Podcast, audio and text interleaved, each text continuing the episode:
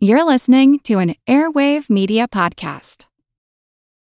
For the ones who work hard to ensure their crew can always go the extra mile, and the ones who get in early so everyone can go home on time, there's Grainger, offering professional grade supplies backed by product experts so you can quickly and easily find what you need. Plus, you can count on access to a committed team ready to go the extra mile for you. Call, clickgrainger.com, or just stop by. Grainger, for the ones who get it done.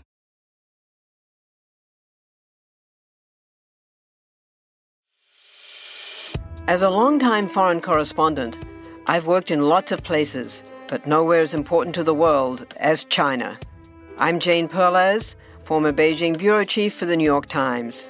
Join me on my new podcast, Face Off US versus China, where I'll take you behind the scenes in the tumultuous US China relationship.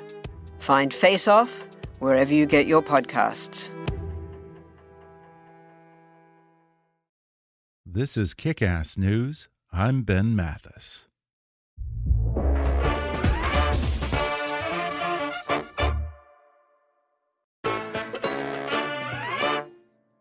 In 2019, chef Magnus Nilsson closed Fäviken, his one of a kind Michelin starred restaurant in remote Sweden. A difficult decision, as it was close to his heart and at the height of its success, ranking among the top restaurants in the world. Now he shares how Fäviken became a world class destination, how the industry it was part of has changed, and why he eventually elected to pursue new projects in his new book, Fäviken 4,015 Days Beginning to End. And today, Magnus Nilsson joins me on the podcast to discuss why he chose to write a book about a restaurant that's no longer open, what went into his decision to shutter Fäviken for good, what he's up to next and whether he thinks he might open another restaurant anytime soon. He talks about his reliance on fresh, local, seasonal ingredients, the difference between great produce and exceptional produce, and why he'd rather have an exceptional carrot than imported Kobe beef for foie gras any day. He speaks frankly about the lack of originality and surprise among chefs, how food bloggers, Instagram, and to some extent even diners themselves are ruining the dining experience, and what he calls the hypocrisy of sustainability in the restaurant business. Coming up with Chef Magnus Nilsson in just a moment.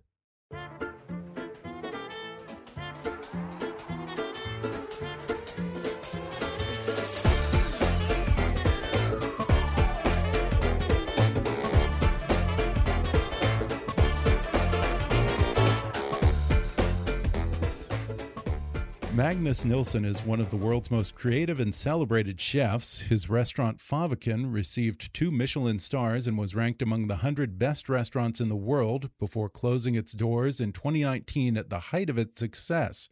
Now he writes about that incredible journey and his decision to leave the restaurant business at the peak of his game in a new book titled Fäviken 4,015 Days Beginning to End.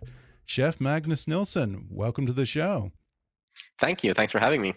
Well, Magnus, can I still call you chef? What are the rules on that sort of thing? Is it is it like a military title where you get to keep it after you retire? How does that work? I've actually I've actually never been particularly fond of that, and uh, oh, really? I, mean, I usually prefer people is calling me Magnus, but and and that was also the like the case at the restaurant. But um, mm -hmm. uh, yeah, I I think maybe we can consider it an honorary military title then. Okay. That you can Fair keep enough. it after you retire if you want to. okay. Well, hopefully you won't be for, retired forever. I'm hoping that you'll come back. Um, I have to say, you're a pretty young guy to be retiring from the business. I think that you're only in your mid 30s, but uh, I, I, suppose that you got an early start. Somewhere I read that you cooked your first meal at age three. Is that right? they say I did. I mean, I don't remember it myself, but uh, my parents claim that that's the case. I don't know if okay. it was a very particularly successful meal, but uh, I cooked something. Okay, so this is sort of family lore that you cooked your first meal. yeah, three. exactly, exactly. But I do, I do think it's actually true that I got an early start, and I think that's very common actually in uh, mm -hmm. in hospitality. That I mean, you generally really? perhaps not go to university and things like that. Yeah. You will start after high school and then uh, start working, which means that even if you're like me, 36, you've actually already worked for you know more than 15 years. Now, where did your love of cooking come from? Was there someone particular in your family? I think that there is like um, a combination. I mean, food has always been important in my family. Both my parents cook. Uh, my uh, grandmother on my mother's side, she used to work as a cook in a nursing home, and on my father's side, she kind of ran the kitchen on the farm that they lived on. Mm. So food has always been like very present and considered something important. Now, you know? is it true that you originally wanted to be a marine biologist? And does that ever come in handy when you're deboning fish these days? yeah, you know, that's true amongst many other things that I've been wanting to become at one part or another in life so far. Yeah. Um, uh, but yeah, you know, I've, uh, I've always been very fascinated with uh, like the sea and everything that lives in it. Now, prior to opening your own restaurant, uh, you were a sous chef, I believe, at L'Astrance and L'Arpège in France. Uh, what did you learn in those two kitchens? I was I was actually never even a sous chef. I was just a cook there in oh, both of those places. Okay. Uh, okay. But I mean, I, I think that the the most important part for me because I left Sweden and moved to France when I was 19. Uh, mostly to go on holiday and then i ended up for various reasons staying and working for you know quite a few years. Mm. and i think that the actually the absolutely biggest takeaway from those years uh, and this sounds like a little bit weird but it's actually that i learned to speak french as a person who lives in another country. It's a different thing. Um, and then i think when you look at the cooking specifically with both of those restaurants i mean i learned tons of obviously useful technique and approaches mm. to doing things and uh, passion about food and hospitality and all of these things. But I think that perhaps the most defining thing for me that I learned, especially from L'Astrance, was actually excellence in produce, like what that actually really mm-hmm. means. Mm-hmm. In, in a way that, I mean, I always thought that I worked with great produce in all the restaurants I worked also prior to that, but you know there's always another level to discover and i think that those two restaurants are at sort of the very pinnacle of what how good it can be when it comes to produce. Yeah you talk in the book about the difference between great produce and exceptional produce. Uh, what makes for exceptional produce? That's like the little bit that is hard to define like this. Mm-hmm. Like the part of something that you perceive with a product, a piece of vegetable or meat or fish or whatever it is, that mm-hmm. you can't quantify from the beginning. At least this is my experience, you know, um, because a product can have all of the kind of technical qualities that you would be looking for it for it to be good or even great mm-hmm. but sometimes it's just exceptional and that's when something really speaks to you mm-hmm. and it's like i don't know where it comes from it's just there sometimes and other times it's not Okay, so you you know it when you see it or smell it or taste it. Yeah. I'm interested that you got such a young start because you actually say in this book that most cooks are too young and inexperienced, and yet you you worked in these kitchens in your early 20s and started your own restaurant in your mid 20s. Uh, looking back, did you feel that you were too young to be opening a restaurant back then? There, there are two ways of looking at that question because mm -hmm. technically, yes, and I wouldn't recommend anyone else to open a restaurant age 24, at least not that kind of restaurant with mm-hmm. that level of ambition and you know um, everything that comes with that. Because I was as a as a person then uh, definitely not mature enough to handle that responsibility with employees and things like that, you know. Um, and I was definitely not good enough at the managerial side of uh, running a business either. Uh, and it took me many years to learn both of those things in a in a good way. And that cost like it cost me a lot of stress and a lot of pain. It'll cost you know a lot of other people also like unnecessary stress and pain. But on the other hand i also don't think that if i would have waited and opened the restaurant today uh, age 36 you know my first restaurant when i'm more mature as a human and know much more about how things function in society and life i don't think it would have been the same restaurant uh, I I owe the fact that Fäviken became what it is to those circumstances that I happened to mm. open when I was that young. So it is like really, I can't recommend anyone to do it, but I also acknowledge the fact that this is the base of what I did. You know. Yeah. well, it's interesting because you in the book you discuss the fact that you had written a previous book, I think in 2012, about the restaurant, and when you look back at so many of the things you talk about in that book that were aspirational and they were kind of dreams that you wanted for the restaurant, and then to be able to go back in hindsight now and see what evolved, what didn't evolve, what you got that you wanted and what you didn't, and all that. Yeah, yeah. no, it, it is. That is actually really weird, and I think I write about that somewhere in the book as well. That the mm-hmm. first book, because that was commissioned in 2010, and it came out, like you said, in 2012. So, and, and Fäviken, I, I came there in 2008. So essentially, that book was about the restaurant that didn't quite yet exist So it was mm-hmm. like you say, aspiration. It was like a, a declaration of a mm-hmm. program for running this restaurant. Mm-hmm. And now the other book that comes out, it's about the restaurant that doesn't exist anymore. right. Uh, let me ask you this. I don't know if this is a silly question, but how long does it take to really get good at the craft of cooking? Or can that be quantified? I don't know. No, I, my my my conclusion is that it can't, but that repetition and like you know the daily grind uh, mm-hmm. to learn a craft, to get it in your hands, to get past the point where the craft itself becomes a hindrance for like your vision of what you want to do. That that there's no way around that. You have to put the time mm-hmm. in. But I also don't quite like don't quite buy this idea that you can quantify it like the Malcolm Gladwell style of the 10,000 hours right. or like right. whatever sort of pop sciencey way yeah. of explaining that you can find but there yeah. is something to it that when it comes to craft and obviously this is also like depends on your personal traits and uh, your uh, kind of the the uh, the ability that you were born with to understand and do something with your hands perhaps but mm-hmm. i mean you need to put the hours in for sure after your time in France, you came back to Sweden and focused on becoming a wine writer. Uh, why did you need a break from restaurants? Were you burnt out on cooking back then? Yeah, yeah, yeah. No, I was. I, I, don't. I don't think I was burnt out, but I was probably mm. a bit disillusionized because when I came back to Sweden, I had worked in these truly exceptional restaurants in France. I had seen like how good produce could be. I could. I. I, I had seen like you know the. Um, uh, the commitment from the customers in those restaurants. I had seen how much they could charge. I could see the resources that they could pour into having lots of staff and like all of these things that seemed then.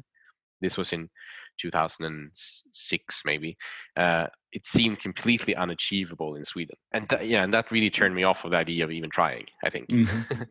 uh, yeah you've said that part of the reason that you took a break from cooking was that you didn't think that you could source the same ingredients in sweden that were as good as they were in france and yet you went on to run a restaurant that became famous for relying in large part or almost entirely on locally sourced ingredients uh, how did you come to realize that everything you needed was really right there in your own backyard, so to speak. I mean, it's so it seems almost like it seems so dumb when I think about it and talk about it today. But I mean, all of mm-hmm. that produce was already there, and the only thing was that it wasn't considered restaurant produce, and it wasn't made available through a, you know, a, a wholesale system or anything like that, which was the case okay. in France. You can go to a great food market in France and you can buy wholesale of this exceptional sure. produce if you have the money and the contacts. But mm-hmm. in Sweden, that wasn't the case at the time, and it still isn't the case at the same level as in France, even if it's gotten better. And I just never then realized that all of the things that I grew up eating and that my family cooked, and the stuff that the neighbor grew, uh, you know, all of these things, they were actually like at that you know, super peak level of quality uh, but I never saw it that way until I came mm. into a position where I had to. Well, nowadays, sourcing local ingredients has become a selling point for a lot of restaurants. It's almost part of their marketing. But when you opened Fäviken in 2008, uh, had the whole local, seasonal, farm to table movement really kicked off at that point? Not like this sort of wave that we were in now. Uh, mm-hmm. I mean, it was there was there were definitely restaurants who did that before Fäviken, plenty of them. I mean, uh, I think especially actually um, in the U.S. I mean, Alice Waters, for example, a great inspiration in that sense, like one sure. generation before. Um, but I think that that type of experiential restaurant in the countryside with a very contemporary look on the food and mm-hmm. a very contemporary way of looking at the food that hadn't been done that way before um, mm-hmm. and definitely not by someone like me mm-hmm. and uh, uh, I, as i said it was mostly a quality thing for the produce for me in the beginning and, uh, and that's what sort of got me on that track that it was much easier to get like amazing quality beef if you could also speak to the guy that owned the cattle and have a dialogue and you know get mm-hmm. to a point where you understood each other uh, and that applied to anything and then i realized quite quickly that it was also an interesting thought experiment when it came to like the creative output of the restaurant because it's a i mean it, it's a constraint even though it's a, a one that you've chosen to impose on yourself to only work with produce from people you know and people locally uh, mm-hmm. uh, and constraints lead to you know new ideas of thinking new ways of thinking and new ideas when it comes to what you want to produce i think. Um, it's, it's similar to the film business where there are a million stories of filmmakers like robert rodriguez who you know had these wonderful innovative ideas because they had limited resources to work with. And you know he had a big action scene on a bus because he happened to have a friend who had a bus you know? and so and i wonder when you're coming up with all these delicious dishes what percentage of it is your experience? How much of it is creativity? And how much of it is just random inspiration? I think it's for me it's like it took many years until I started to actually really think about my own creative process. And I think that mm-hmm. was probably in like maybe 2015 or 2014 where I, I actually stumbled upon a book on like creative theory um, and uh, started reading about this understanding that there's like research on how the creative process in the human mind actually functions and mm-hmm. that is not what it appears because it, it can appear as if it's magic you know that just things just happen sure but that's not the case you know it's an actual uh, subconscious process that's being fed with all of the things that you perceive as a human being. Every little experience and perception that you recorded is part of that process. So um, after that, it became much more clear to me that my approach was going to be to figuring out new things, just fill that sort of bank, the, the, the mm. toolbox, if you if you will, with as much as possible, and like trying to approach as many situations as unbiased as possible, which is actually so mm-hmm. much more difficult than it sounds, sure. but so important. Because if you already, if you go into an experience or a situation already knowing what you're going to experience or having already decided what it's going to be like, that's not going to be like something that you can build new creativity on. That's right. going to be so right. tainted by your previous uh, knowledge. Uh, and and that was really interesting. And I, I, kind of also came away with the conclusion that I'm actually much less creative than I thought myself, um, uh, and much less creative than other people think. But I'm also good at you know turning my creative ideas into something. Uh, mm-hmm. They don't stop at the ID stage. Many of them, mm-hmm. I actually get them to become a dish or something else but uh, I've also come across like in this sort of research work, like so many people that are so much more creative than me, but of which many of them haven't been able to like create that framework for it to become something. Well, let me ask you this: What would you say is the enemy of creativity in the restaurant business? For me, it would be this thing that you are unable to continue collecting truly new experiences with an open mm mind like the day you stop filling your creative toolbox efficiently. And i mean you're never going to stop filling it entirely because you're always going to perceive to be perceiving things. But i think that it's so easy to start filtering too much whether it's uh, reading you know books that you always already know you're going to like whether it's only looking at the news channels where you appreciate the angle whether it's going to only the countries that you've been to before doesn't really matter mm-hmm. but that thing that's like the enemy of all creativity that you mm-hmm. start you know yeah start filtering yourself too much and you mourn the fact that the internet and Instagram and this glut of food bloggers today take all of the surprise out of the dining experience.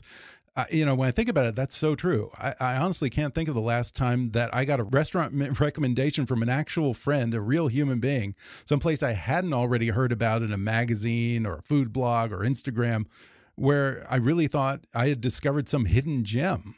Uh, it's it's getting rarer and rarer. Yeah, it is. You know, it, it, really is. And I think that it's like at the same time as I love the fact that as a you know as a person prone to enjoy research, I really love the fact that I can have access to so much information. Mm -hmm. But I also, as you say, I really mourn this. Um, um, this flow of information that no one really asked for and that no one really needs but that we still consume right. and i think that we th- that's the reason i mean we really destroyed one of the most fundamental pleasures of humankind which is to have your mind thoroughly blown mm. um, by you know sharing too much that no one needs uh, and i mean you can still get mind blown but it's much more difficult now than it was 20 or 30 years ago and uh, mm. and uh, especially with the restaurants, because I, I thought about that a lot uh, at the end of Fäviken when I already knew that it was going to close and all of those things. And eh, often it felt, felt to me then that when people came in, they had traveled from far away, they paid so much money, and they spent such a commitment in time on getting there. And, you know, they had all of these expectations and wanting to have this yeah. experience. And a lot of them already knew what every dish was going to look like because they'd seen it on Instagram.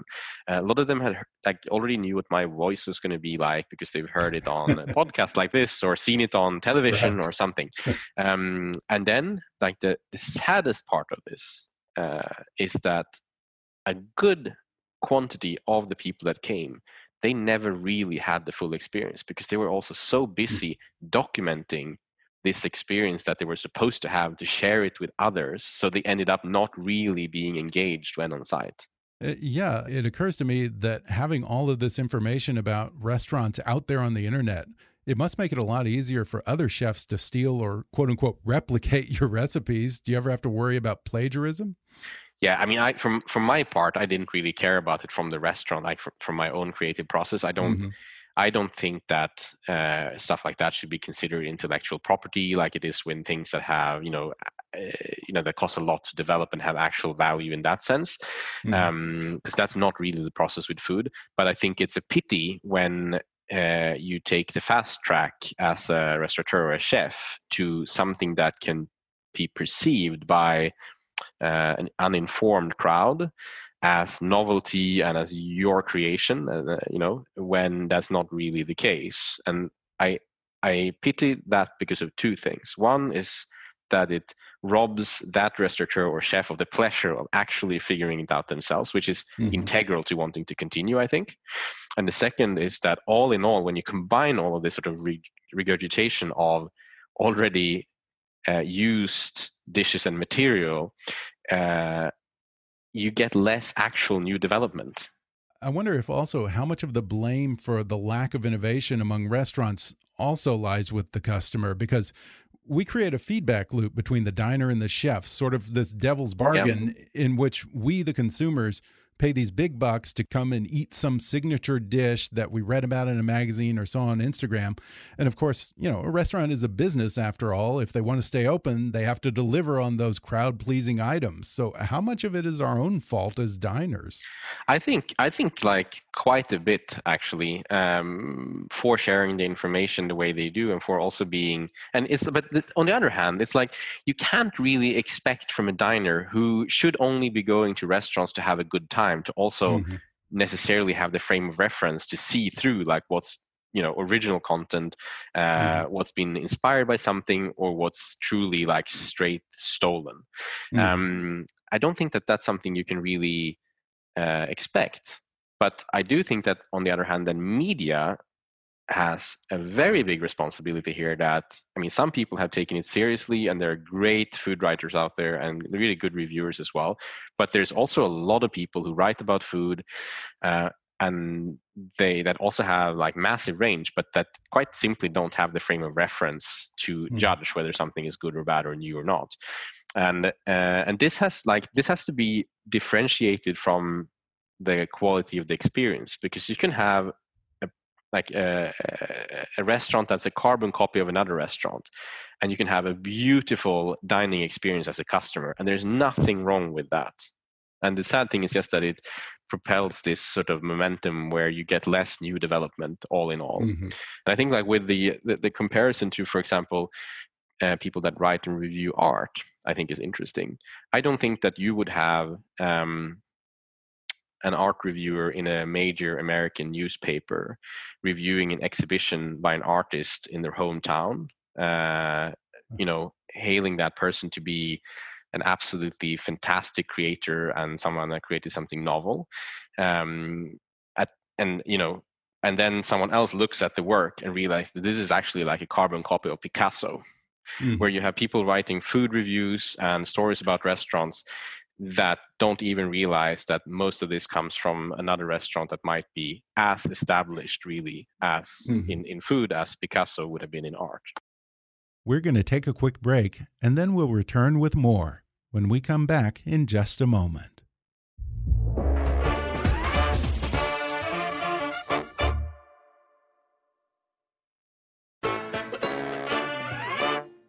Now, in case folks can't tell, you you have quite a few opinions about the state of the restaurant business today. some of which I imagine might ruffle a few feathers. Uh, do you think that some of the things that you say in here are controversial? I I don't I don't know. I mean, I'm sure there are. Mm-hmm. I think it's impossible to move through life without like rubbing a few Mm-hmm. people the wrong way. Uh, at least it would be very boring.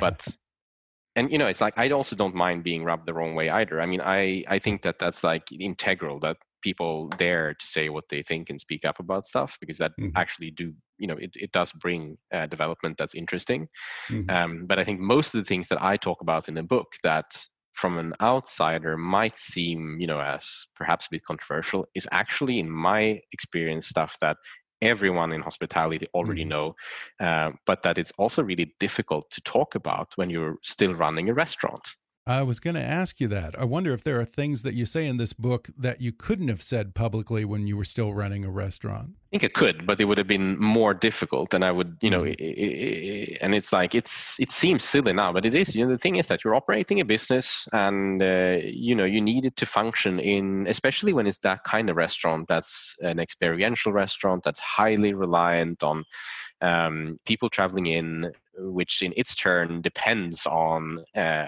the restaurant being reported of in a certain way in specific media and so on then it becomes more difficult because you have to always relate to that and and to me that was one of the things that i really wanted with this book like i didn't want to create like a and i don't think that it is either like a sensationalist biography or anything like that but i wanted to also like speak about a few things that i thought Mhm. was you know uh, stuff that I, I I I didn't feel like I could talk openly about when I still had the restaurant. Well, then let's start by asking you about what I think is probably the most sacred institution in the restaurant industry, at least in fine dining, the Michelin Guide. Your restaurant received two Michelin stars, but there are those who have problems with the Michelin ranking system and the kind of restaurants and cuisines that it traditionally favors. Can I ask you to weigh in with your own thoughts on the Michelin Guide and whether it's fair? Um, no, it's not fair. No guides are fair, but that's also not the point of them, uh, actually. Um, and I think that as far as guides and rankings goes, Michelin is actually one of the ones that I favor. Mhm. Um, and for my personal like views on Fäviken, uh, Michelin was problematic because in the beginning uh, when we started the restaurant there was no michelin guide for that part of sweden. Uh, there was never in the cards that there was ever going to be one. And then one day there was suddenly an announcement that there was going to be a michelin guide. And by then we were already very established as what we were, which was this experiential restaurant that people travel to. We were in a specific pricing bracket. There was a lot of things that were already set. And I felt that to me, this is a huge risk because maybe they don't get us. Maybe they, um, you know, just don't understand what we're doing and they don't feel like it's worth uh, promoting. And then all of a sudden, the story that they're telling is not uh, correlating with the one that we've been telling and successfully so for many years. So I saw that as a risk, yeah, and and and that was the first thing. When when I when they called me and said that you know we would like to have you in or you're going to be they didn't even say we'd like to have you. They said you're going to be in the Michelin Guide next year, um, and uh, you know I asked them like okay how many stars? And then I thought to myself that okay it would be great if you go three stars straight away. That that would be fantastic. Then it's not a problem and that would be you know fun for me and the team and so on. But um, if we get two stars, that's okay. If you get one star, that's a problem. Uh, and then Okay. uh, Rebecca Burrows, the director of the Michelin Guide, uh, she said that you'll have two stars and you know keep going the way you do. We really enjoy what you're doing and so on. And that was the, my only contact with them. After that, Wow. I heard you know nothing. Um, and and I, I, I you know, further to my point, like why I favor them is that I think that they're not ranking restaurants, which I think is silly because there is no such thing as best restaurant. Uh, because that's all dependent on the circumstances on what you're looking for. Mhm. Uh, but they're lang- they're so they're not ranking restaurants; they're awarding them in tiers, Mhm. and that I think is good. And the Michelin Guide is also about sort of some kind of there is like a factor of like reliability around the whole thing. You know that old-fashioned kind of slowness, which I think Sure. is really good in this Mhm. day and age when there is none of that almost anywhere. And Then I think there's many other things that they can be critiqued for. Uh, there are many restaurants I can definitely say that have uh, both one or two and three stars that shouldn't have them, and there are many, in my opinion, and there are many restaurants that are worthy of stars that doesn't have the right amount. But you know, um, as a person that I know very well that used to run a guide, very successfully told me once when I uh, critiqued something that he had done. He said, "Well, why don't you start your own guide then and see how easy it is?" now, for a long time, Michelin Guide was synonymous with a certain type of restaurant and cuisine. Uh, I guess classically defined as haute cuisine. You take issue with that term haute cuisine, or at least its traditional use. Um, when I think of haute cuisine, it brings to mind the stuffy, expensive food, foie gras and truffles and heavy sauces, more in the Escoffier school of cooking.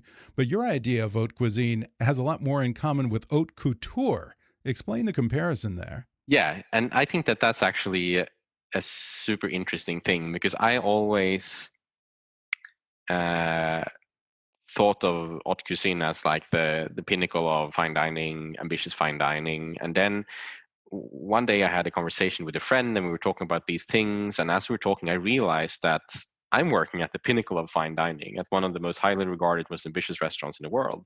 And I just don't feel like I would never present what we do as haute cuisine. Like I don't feel mm-hmm. it. And then I started looking this up and, and I spoke to this friend and uh, I realized that like the definition is like hasn't changed with the times.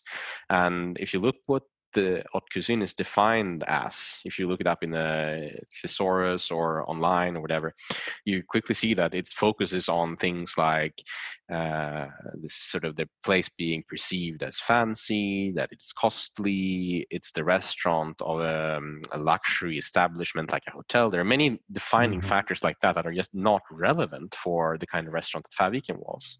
Right. And at the same time, for various reasons, I also looked up, like you said, the um, definition of haute couture, uh, the sort of would be equivalent of the world of fashion, and realized that this is like probably not the way that most um, uh, high-end ambitious restaurants function, but it is like pretty close to the ideal idea of how a small, independently operated, ambitious, creative restaurant could work, which I thought was cool. And part of this speaks to our mainstream concept of luxury in dining. We think of it as so rarefied to dine on Kobe beef that's flown in from Japan or foie gras from France. But are we really getting the same quality and flavor as we would if we had ordered those foods in their native countries? No you aren't and that's like the the thing you know uh, and this is obviously it's a whether you think is worth it or not that's a matter of personal preference mm-hmm. but no one can say that a slice of kobe beef is as good in europe like as it is in japan mm-hmm. simply because uh, so much will have happened to it. Like first of all, like the selection process in Japan, for example, uh, you know, it's not like the very very best Kobe beef is going to ever even leave the country.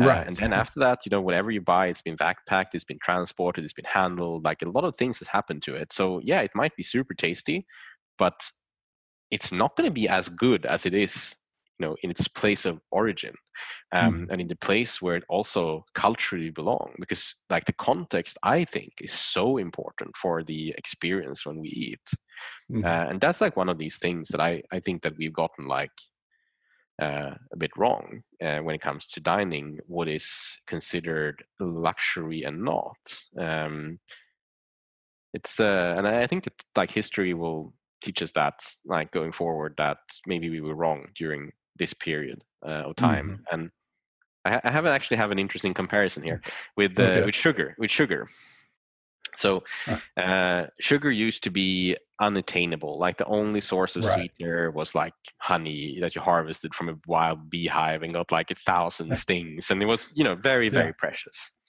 uh, and then uh, when people started traveling and you could harvest sugar cane and like sugar became a little bit more available it was still like super expensive. It was the the stuff that uh, royalty would season their meat with to show that they were rich you know and then gradually it became more and more accessible to a point after the second world war after like full industrialization when sugar is like one of the cheapest calories you can buy. And, and, all of a sudden it's not luxury anymore it's mm-hmm. very accessible and it's actually the other way around that it's like anti-luxury today to consume right. lots of sugar, right? uh, and maybe we'll see the same with produce like this, because I mean, Kobe beef is considered rare because you couldn't have it in Europe. It's luxury because you couldn't have it. Now you can, mm-hmm. and it's not like it's going to get less accessible in the future. I think. Interesting. So one day we may get to the point where truffles and Kobe beef and foie gras are peasant food, huh? I, I look forward to that day. I have to say, might not apply to all of those, but yeah. I think to certain things, like especially with like the stuff that you move around, you know, that's. Uh, yeah. Are there certain things that you did import when you were running Fäviken, or what percentage of the ingredients were imported? Um, I mean, uh, the fish came from Norway. Like Fäviken okay. was very close to the Norwegian border, so we were only mm-hmm. like 250 kilometers from the ocean, uh, but we were just at the Norwegian border. So we drove across there to get the fish. Uh, so that's still like close by, even though it was technically imported from another country. Um, most of the sugar that we used was refined in Denmark so another country, even if the beets might have been grown in Sweden to produce them. Mm-hmm. And aside of that, uh, I mean, yeah, pretty much everything came from uh, wow. Sweden, and most of it came from the region of Jämtland, which is where Fäviken was mm-hmm. located. Mm-hmm.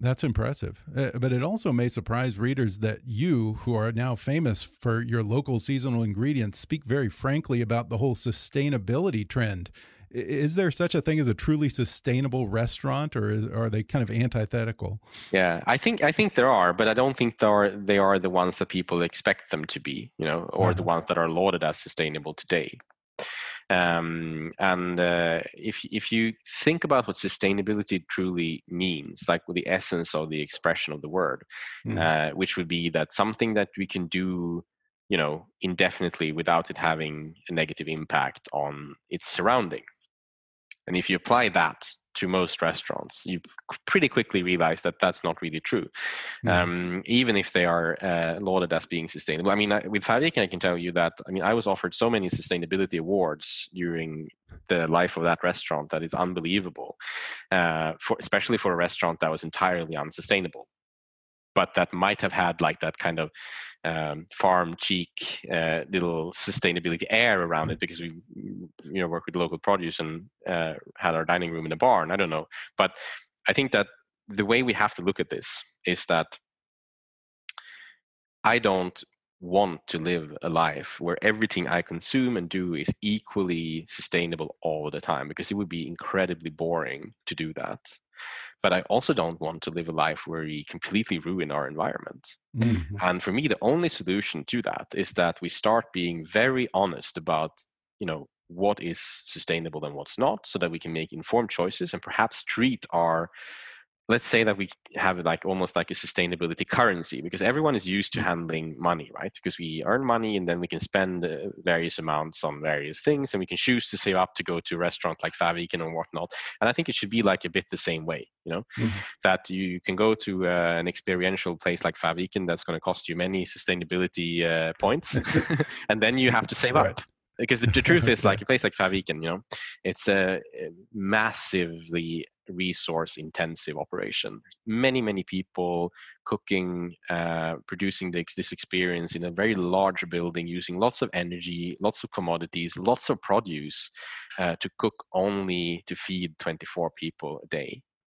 Mm-hmm. And obviously, that's not something we can do all of the time, all of us. Uh, it's just not right. And I think that that's right. like the problem where you're um, claiming that an experiential restaurant is a sustainable option when all they are is perhaps a bit more um, responsible.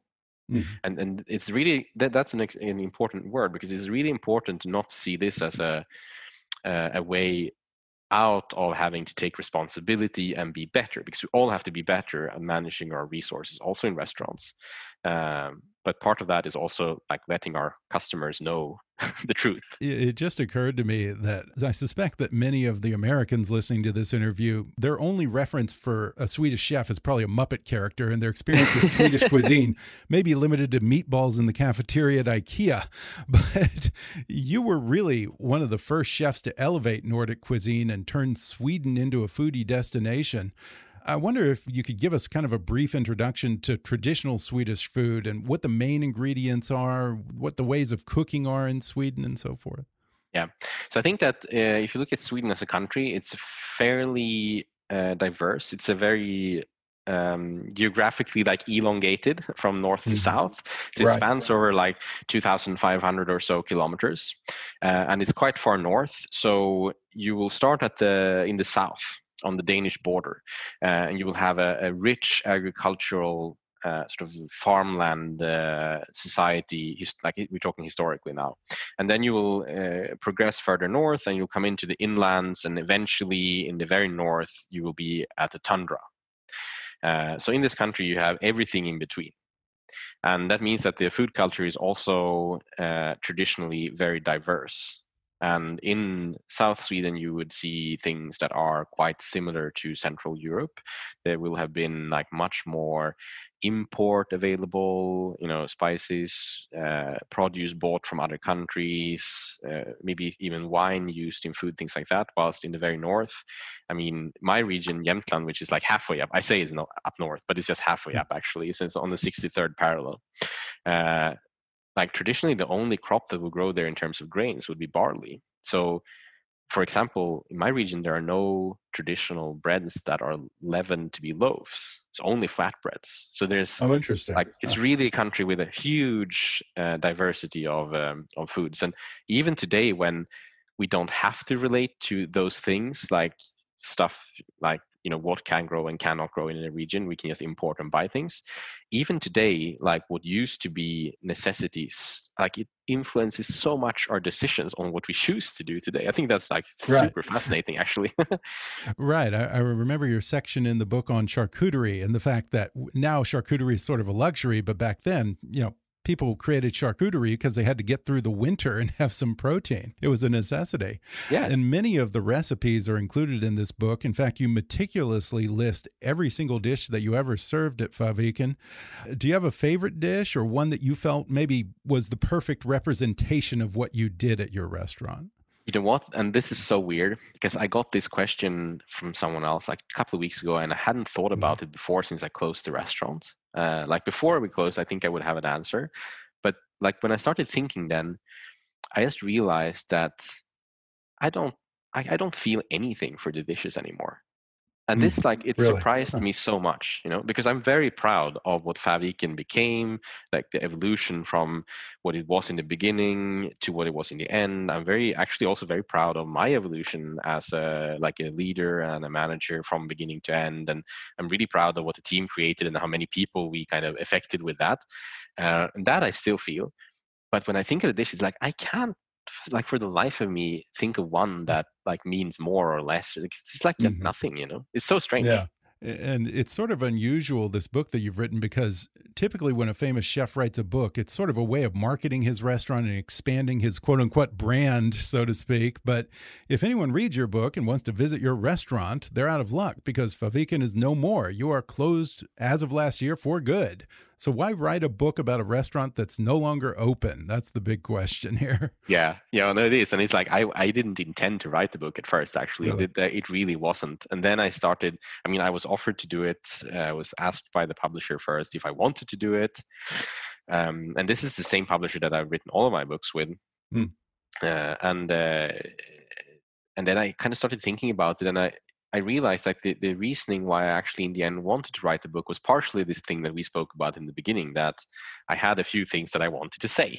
mm-hmm. um, and I started to think more about that and I realized that, you know, all of the people that have come through the doors of this restaurant, all of the people that have reported on it, produced television shows, uh, written about it, like there's so many accounts on this restaurant out there um, and none of them are mine yeah. And to me, that felt really important that I also wanted to say how I thought about this, like how I felt about this restaurant from my perspective. And the only way to do that is you if you write the book yourself mm. and you mm-hmm. publish it. Because if mm. you um, ask a journalist to do that, or it's always through someone else's filter, you know. So that was one reason, and then the other reason was that I also started to realize when we um, kind of announced this like how much this place had actually meant for so many people. And you know part of me like intellectually i already knew that we had reached a lot of people because i mean i've done so many events and traveled and done lectures and i've sold the books and you know done all of these things. But emotionally i hadn't quite quite understood like the depth of that meaning to so many people out there. I mean, people started like uh, contacting us and like thanking us for what we've done and like what the restaurant had meant for them, and like reading stories about like people really connecting to a place where they never even been. Uh, I just also felt that you know there will definitely at least be people who are going to want to read the book and mm. like my take on what this restaurant was. Now, when you closed Fäviken, it was around the same time that you bought an apple orchard with 10,000 trees, which is now, I think, your full time job. Uh, what did your friend say when you said, I'm going to close this hugely successful restaurant and grow apples instead? Funnily enough, none of them acted with surprise. I don't know what really? that says. So, yeah.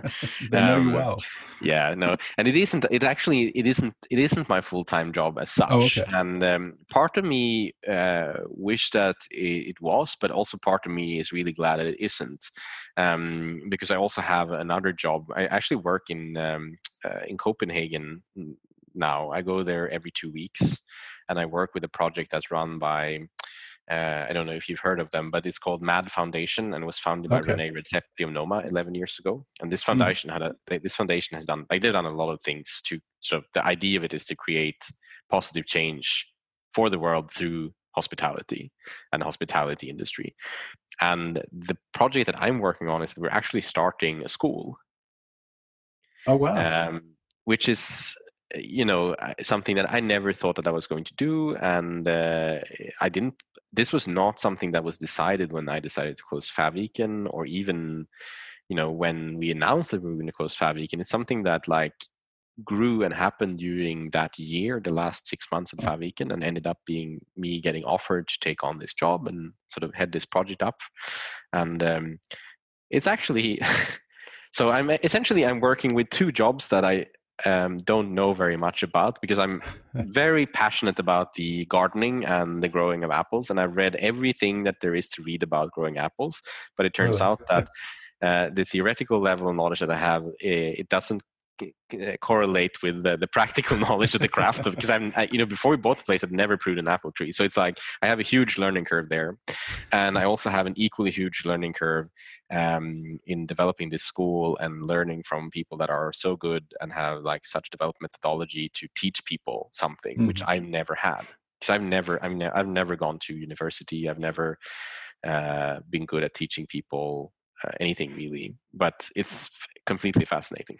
But you've probably in a in a way been mentoring and teaching people for your entire career as a chef i would imagine. It just uh, almost accidentally it, it, gets absorbed i suppose that, that, that's true but and, and i've also like seen all of the, the, the problems with like hospitality industry and mm. all of the poor ways that the teaching functions there uh, regardless whether it happens to be on leadership or management or uh, you know how to treat the environmental impact of a restaurant doesn't really matter like i've seen all of the negative aspects of the industry and i've also been part of many of them myself you know having mm. gone from being 24 years old opening this super ambitious restaurant being a pretty poor leader at the beginning not mm. understanding you know how to manage a group of people um, working with you and things like that to taking way too many years to getting to a point where I got like fairly good at it. And then I mm-hmm. think at least ending at the same time as a close restaurant being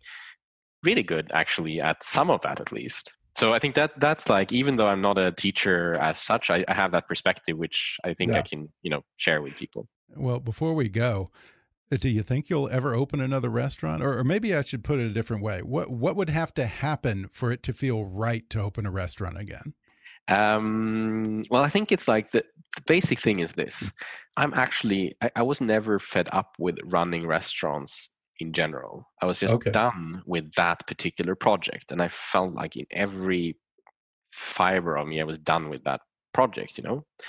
Um, and on the other hand, I also don't feel right now a particular desire to open a restaurant and there are many other things as i you know as the two things i just explained that i'm working mm. on that mm-hmm. are like so interesting and so fulfilling to work with right now um, so i think that I, I mean essentially if i wake up one morning and i feel the same way as i did for Fäviken for so many years, like this sort of real desire to run a place and host guests and do that again. I mean, I'm not going to hesitate a second. Uh, I mean, I will open a new place then, mm. but I also don't know when that will be and if it ever happens and i don't have a like a plan for it either which is actually really nice because i've had a plan for such a long right. time you know yeah. yeah, I can imagine that can be a relief. Well, I certainly hope that you do get back into the game at some point. In the meantime, it'll be interesting to see what you work on until then. Again, the book is called Fäviken 4015 Days Beginning to End. Magnus Nilsson, thanks so much for talking with me. Thank you. Thanks for having me. Thanks again to Magnus Nilsson for coming on the show. Order his book, Fäviken 4015 Days Beginning to End on Amazon, Audible, or wherever books are sold, and follow him on Twitter at, at Faviken. If you enjoyed today's podcast, be sure to subscribe to us on Apple Podcasts and rate and review us while you're there. Five star ratings and detailed reviews are one of the best ways for new listeners to discover the show. You can also follow us on Facebook or on Twitter at, at KickassNewsPod and recommend us to your friends on your social media. For more fun stuff, visit kickassnews.com, and I welcome your comments, questions, and suggestions at comments at kickassnews.com. For now, I'm Ben Mathis, and thanks for listening to Kickass News.